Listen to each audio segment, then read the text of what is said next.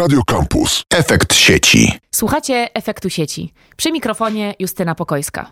Koniec roku i początek nowego roku skłania nas do podsumowań, do refleksji na temat tego, jak potoczyły się pewne procesy w ubiegłym roku. I właśnie dzisiaj taką refleksję spróbujemy yy, wyprodukować z siebie z wykorzystaniem eksperckiej wiedzy i dzięki obecności naszego znakomitego eksperta Łukasza Jonaka z Delabu. Cześć Łukasz. Dzień dobry, cześć. Przyjrzymy się kryptoświatowi, e, światowi kryptowalut, kryptoprocesów, rozmaitych rzeczy, które dzieją się w drugim obiegu, jeśli tak można powiedzieć. Nie wiem, czy do Państwa dotarła informacja kilka tygodni temu. Udało się w internetowym świecie Decentraland sprzedać działkę za 2,5 miliona dolarów w kryptowalucie. Jeśli dobrze rozumiem, sprzedano coś, co nie istnieje, za bardzo dużo pieniędzy, które nie istnieją. Łukasz, na czym polega fenomen tej historii i tego e, rynku, którego właściwie nie ma, a 2,5 miliona dolarów to chyba całkiem realna wartość. Mm, no ja bym się nie zgodził z tym, że nie ma tego, co zostało sprzedane, ani że, że nie ma tego, za co zostało sprzedane, no bo to jednak jest konkretna wartość, którą można przenieść do, mm, do tradycyjnego świata finansowego i coś za niego kupić, w, za tą wartość coś kupić w tym świecie prawdziwym, naszym prawdziwym.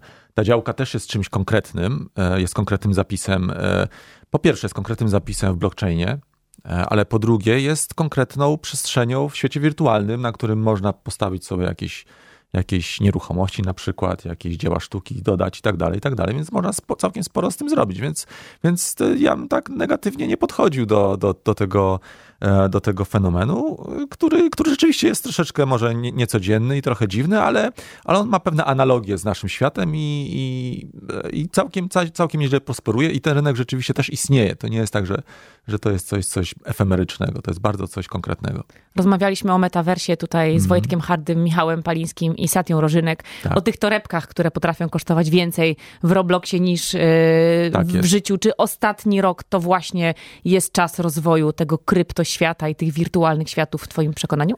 E, to jest trochę tak, że ten cały termin metaverse e, został e, troszeczkę za nie zagrabiony, ale za, zawładnięty przez, przez Facebooka i przez, przez Zuckerberga, którzy, którzy nagle zawojowali ten cały, ten całą, całą działkę dyskursywną związaną z metaversem. Um, mówiąc, że będą teraz rozwijali metavers, ale tak naprawdę metavers jest roz, rozwijany od dłuższego czasu także w, w świecie wirtualnym, świecie krypto, e, świecie blockchainów.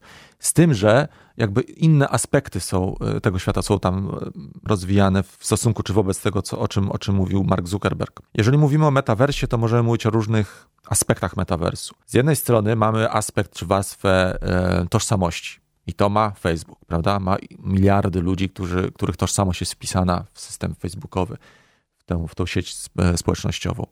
Mamy warstwę związaną z, z wizualizacją tego metaversu, czyli z wizualizacją światów wirtualnych albo z dodaniem wirtualnej warstwy do naszego świata, co nazywa się augmented reality. I to też e, Mark Zuckerberg i Facebook zaczynają bardzo mocno wchodzić. Wiemy o tych tysiącach e, deweloperów, którzy mają być w Europie zatrudnieni po to, żeby, żeby tą całą warstwę wizualną Mm, wizualną e, zapewnić i stworzyć.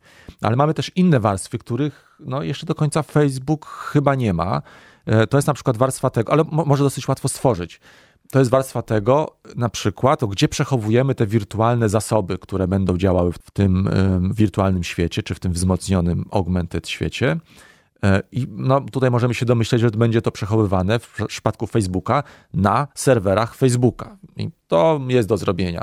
Kolejną rzeczą, której, której kolejną warstwą tego metaversu e, jest to, czego znowu prawdopodobnie jeszcze nie ma Facebook, a co chciał mieć i dwa lata temu o tym, to to żeśmy widzieli, że on bardzo chciał mieć.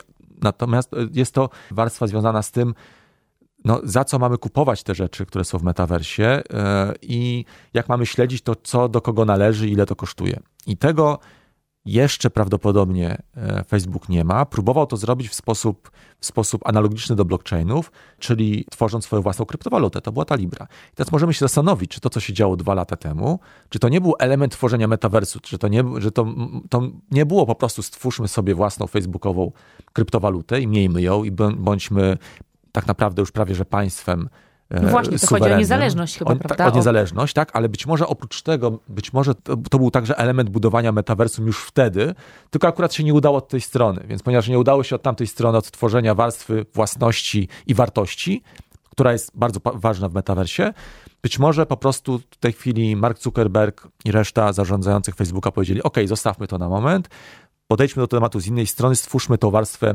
wirtualną. To, co jest ciekawe, to jest to, że rzeczywiście Facebook ma kilka tych warstw, nie ma tej, tej warstwy śledzenia wartości i własności, natomiast ta warstwa już jest zbudowana w blockchainach zdecentralizowanych.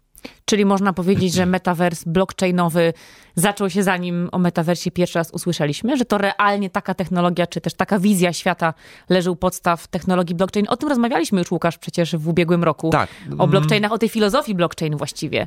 To, to nie było chyba tak, że, że wszyscy ci deweloperzy, ci, ci, ci przedsiębiorcy, ci wszyscy wizjonerzy blockchainowi, oni w pewnym momencie się gdzieś tam zebrali i powiedzieli, ok, to my zbudujemy metaverse, tak jak to oświadczył niedawno e, Mark Zuckerberg. Ale no nie bez powodu oświadczył akurat wtedy e, i, i to też Tak, no były- było by- wydarzenie, były- które miało tak, swój kontekst, prawda? To, co się działo w blockchainach, to po prostu tworzyły się pewne, pewne takie miejsca krystalizacji pomysłów, które złożyły się na coś, co nagle okazało się, ok, nazwijmy to metaversem. To jest właśnie coś, co, co, co, co wyłania nam się z tego metavers. My nie chcemy tworzyć metaversu, ale to, to cośmy stworzyli, łączy się razem do, do, do, do czegoś, co możemy na, nazwać metaversem. I jakie to są elementy? To są oczywiście kryptowaluty, to są zdecentralizowane finanse, to, są, to jest cała ta infrastruktura e, NFT, non-fungible tokens, które są bardzo istotne, tokeny. niewymienialnych tokenów, które właśnie mogą reprezentować różne, różne zasoby w metaversie.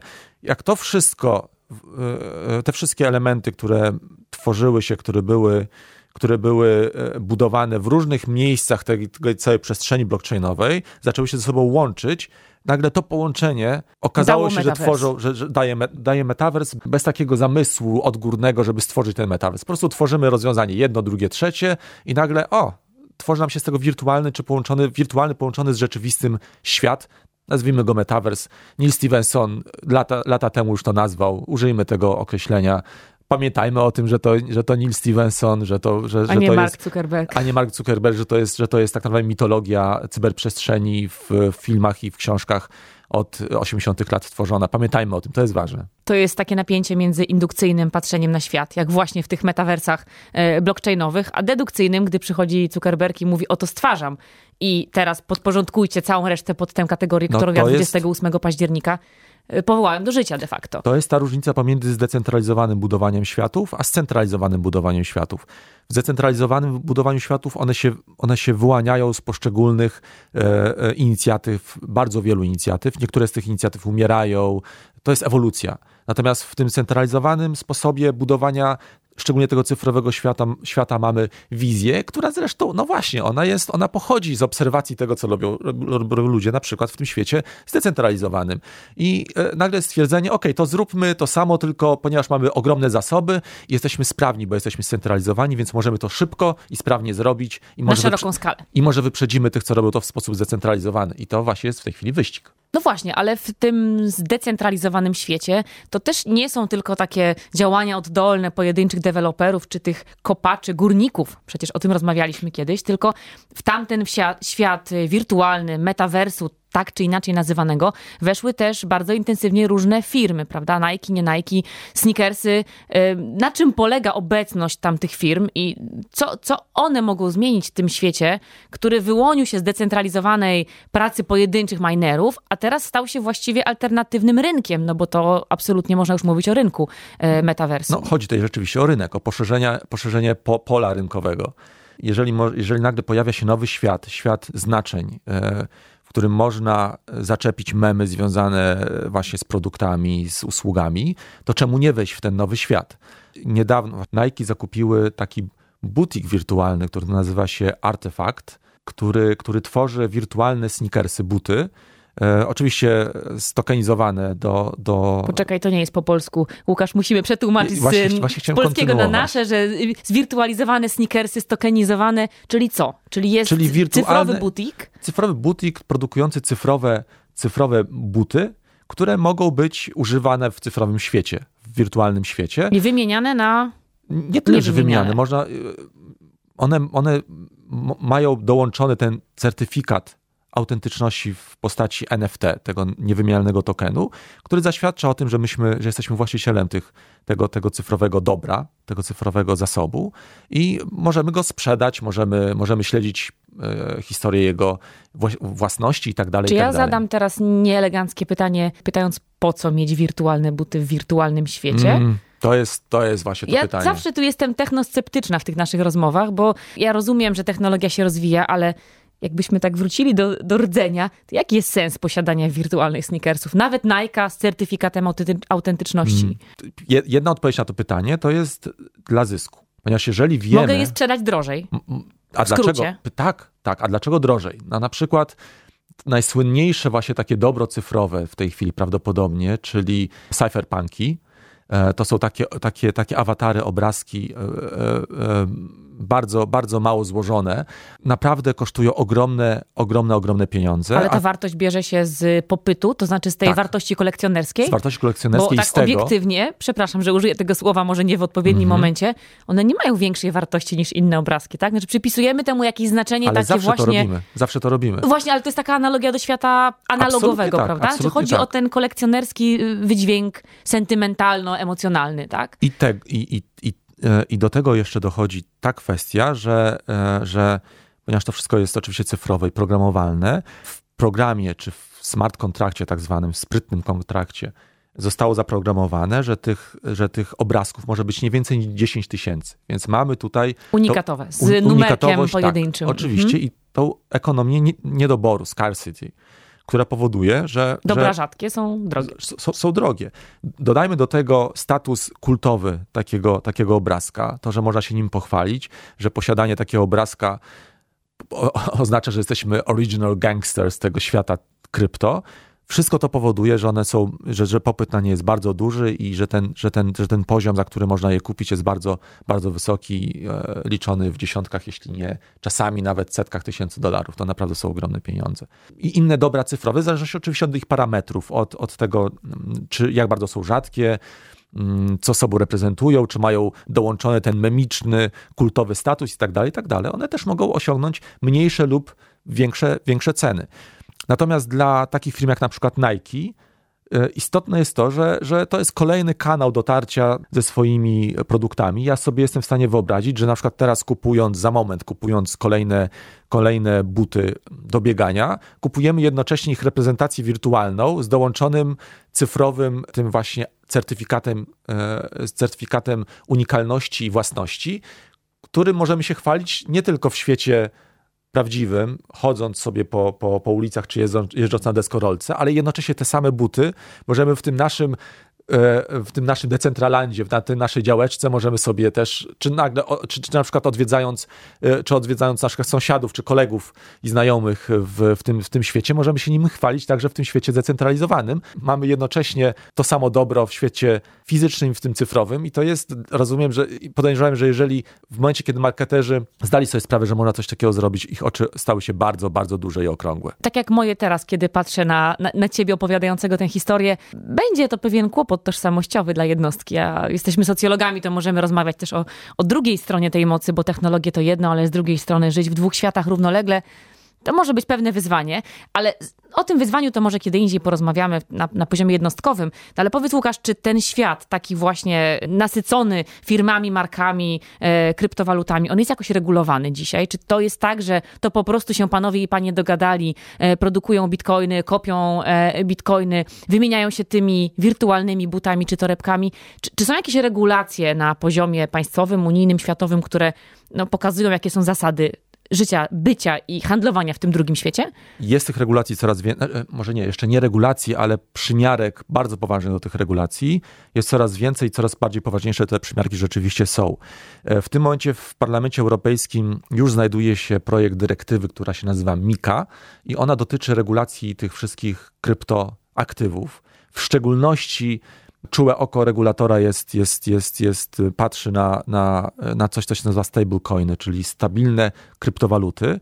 Powinniśmy powiedzieć, co to są. Powinniśmy powiedzieć. Tak, tak. Stabilne kryptowaluty to są takie kryptowaluty, które w przeciwieństwie do, do tych klasycznych kryptowalut, jak na przykład Bitcoin czy Ether, e, które, które utrzymują stałą wartość w stosunku do jakiejś innego, innej waluty tradycyjnej, na przykład do dolara. Czyli na przykład jedno DAI to jest zawsze jeden dolar i są tam mechanizmy za tym, które decydują o tym i utrzymują tę wartość. To przepraszam, że spytam, jaki jest sens w takim razie takiej kryptowaluty, no skoro ona jest, sens jest jeden do jeden z walutą rynkową? No właśnie o to chodzi. Chodzi o to, że, żebyśmy mieli pewność, że żebyśmy wyeliminowali tą, tą ogromną zmienność kursów walut, z którymi mamy do czynienia w, w tradycyjnych Ale jeżeli się zmieni kurs dolara, to też się zmieni kurs doi. E, tak, ale wtedy to dodaj. Mamy, mamy, no, mamy, mamy pewne, wiemy, że, że to jest ten kurs, dokładnie mamy tyle w dolarach, co mamy w tym, w tym DAI. Nie musimy wychodzić do, ze świata wirtualnego do, do świata tradycyjnego. I to jest bardzo atrakcyjne. Jeszcze bardziej atrakcyjne, dlatego że, że no możemy, e, możemy ulokować te pieniądze w wirtualnym świecie i dostać o wiele większy procent niż w tej chwili w tym świecie bankowym tradycyjnym. Tutaj należy od razu powiedzieć, że to, czym tu mówimy, nie jest żadną poradą, E, i musimy ostrzec wszystkich naszych Noworoczne słuchaczy. plany inwestycyjne. Tak, tak żeby, żeby, że, że, że wszystko to jest bardzo, bardzo ryzykowne i można stracić wszystko, co się, co się zainwestuje, więc tutaj to jest bardzo istotne, żebyśmy od razu o tym powiedzieli, żeby wszyscy słuchający o tym, o tym wiedzieli. Natomiast, natomiast regulatorzy właśnie celują bardzo mocno w te, te, te waluty e, stabilne, ponieważ one tak naprawdę są konkurencją. No, to zależy od jakiej, o jakiej narracji mówimy, ale tak naprawdę one mogą być popularne wśród właśnie konsumentów, i w związku z tym one mogą na największe ryzyko tych konsumentów narazić, jeżeli coś się popsuje w mechanizmach działania tych, tych kryptowalut. I dlatego właśnie te podmioty, które te waluty wydają, będą prawdopodobnie najmocniej regulowane e, w, w najbliższym czasie, dwóch powiedzmy lat najbliższy. Elizabeth Warden, senatorka, która y, zgłosiła pewne zastrzeżenia tak, co do tak. bezpieczeństwa stosowania y, stablecoins. Tak, to jest y, znowu nowa rzecz, w której Elizabeth Warren, która jest jedną z krytyczek w ogóle świata finansów, bardzo mocno skrytykowała w szczególności zdecentralizowane finanse i, i y, waluty stabilne, które są, sama powiedziała, że to jest krwioobieg tych, tych zdecentralizowanych finansów i porównała użytkowników, niektórych użytkowników tych systemów i tych, tych, tych walut do, do szwindlerów, do ludzi, którzy robią przekręty, a wręcz do terrorystów. Znaczy, że, że powiedziała, że to jest świat, w którym rzeczywiście bardzo łatwo można takich ludzi trafić i bardzo mocno straszyła przed, właśnie, przed tym światem, co spotkało się z równie ostrą e, reakcją w, w świecie krypto, e, oburzeniem i, i niedowierzaniem. Jak można w ten sposób mówić o czymś, co jest tak naprawdę najbardziej obiecującą działką tego, tego, tego całego świata kryptowalut? No właśnie, Łukasz, skoro o obietnicach postawiliśmy diagnozę momentami defetyczną, ale jednak pozostawiającą szansę, chociaż ryzyko inwestycji jest duże, jakbyś miał zaprognozować, jak ten rok w świecie krypto e, przebiegnie, czy jakie są główne wyzwania, jakie są trendy, czy też co obserwujesz, że, że za rok będzie przedmiotem naszej analizy takiej właśnie około noworocznej, to co by to było? Pewnie będziemy zastanawiać się nad tymi regulacjami, co one, co one wnoszą i jak zmieniły ten świat będziemy dalej patrzeć na to, jak rozwijają się te metawersy i, i, i który jest, jak ten wyścig wygląda. Czy rzeczywiście ten metavers zdecentralizowany, czy on, czy on jest w stanie z centralizowanymi tworami walczyć i z nimi jakoś tam konkurować. Co do tego, w którą stronę pójdzie, pójdzie krypto jako takie, nie mam bladego pojęcia, nikt, nikt tego nie wie i słyszymy każdego rodzaju przewidywania i tutaj ja, ja, się, ja się nie pokuszę absolutnie. A jakie mogą być te kierunki? To tylko powiedz dla tych, którzy nie wiedzą, jakie są to przewidywania. Czy to będzie się rozwijało jako alternatywny rynek, czy przejmuje e, może rolę takiego pierwszego rynku, czy jakie są te regulatorzy, potencjalne Regulatorzy kierunki? boją się bardzo, żeby, żeby, żeby czasem e, za dużo pieniędzy nie przepłynęło z tego tradycyjnego rynku do, do rynku e, krypto. I to, to, to widać, bo, bo widać już, że, że te pieniądze ze, z pakietów stymulacyjnych, one, one tak naprawdę napędziły tą, tą hossę z ostatnich miesięcy, która w tej chwili troszeczkę przyhamowała. I podejrzewam, że za słowami takimi jak jak troska nad stabilnością finansową tradycyjnego systemu, właśnie, właśnie e, to, się, to się kryje. Za tymi słowami kryje się strach przed tym, żeby zbyt dużo pieniędzy nie uciekło z tradycyjnego systemu do, do systemu e, zdecentralizowanych finansów. Będziemy się przyglądać, będziemy aktualizować, e, będziemy sprawdzać, co tam się nowego dzieje w tym kryptoświecie, w tym decentralandzie. Może doczekamy się działek, może zainwestujesz, Łukasz, w jakieś dobra, czy masz już jakieś dobra? Jeśli możesz powiedzieć, oczywiście. Bawię się w te, te rzeczy, ale to nie Ale jest ostrzegasz nic, słuchaczy, że to nie są bezpieczne. Tak, każdy, każdy, e, każdy, każdy powinien bawić się w te rzeczy na, na swój własny rachunek i, i Na swoje i, ryzyko. na swoje ryzyko, tak. Ale i tak zachęcamy do tego, żeby śledzić temat, żeby interesować się tym, co się dzieje dookoła. My będziemy oczywiście e, z Łukaszem, naszym ekspertem w świecie blockchainów i bitcoinów, aktualizować Państwa wiedzę i śledzić, co nowego się dzieje w kwestii regulacji, ale nie tylko. Także bardzo Ci, Łukasz, dziękuję za tę dzisiejszą rozmowę. Ja dziękuję. Naszym gościem był Łukasz Jonak, analityk Delabu, a ja zapraszam jak zwykle na kolejny odcinek Efektu Sieci. Justyna Pokojska, do usłyszenia. Efekt sieci. Słuchaj Radio Campus, gdziekolwiek jesteś. Wejdź na www.radiocampus.fm.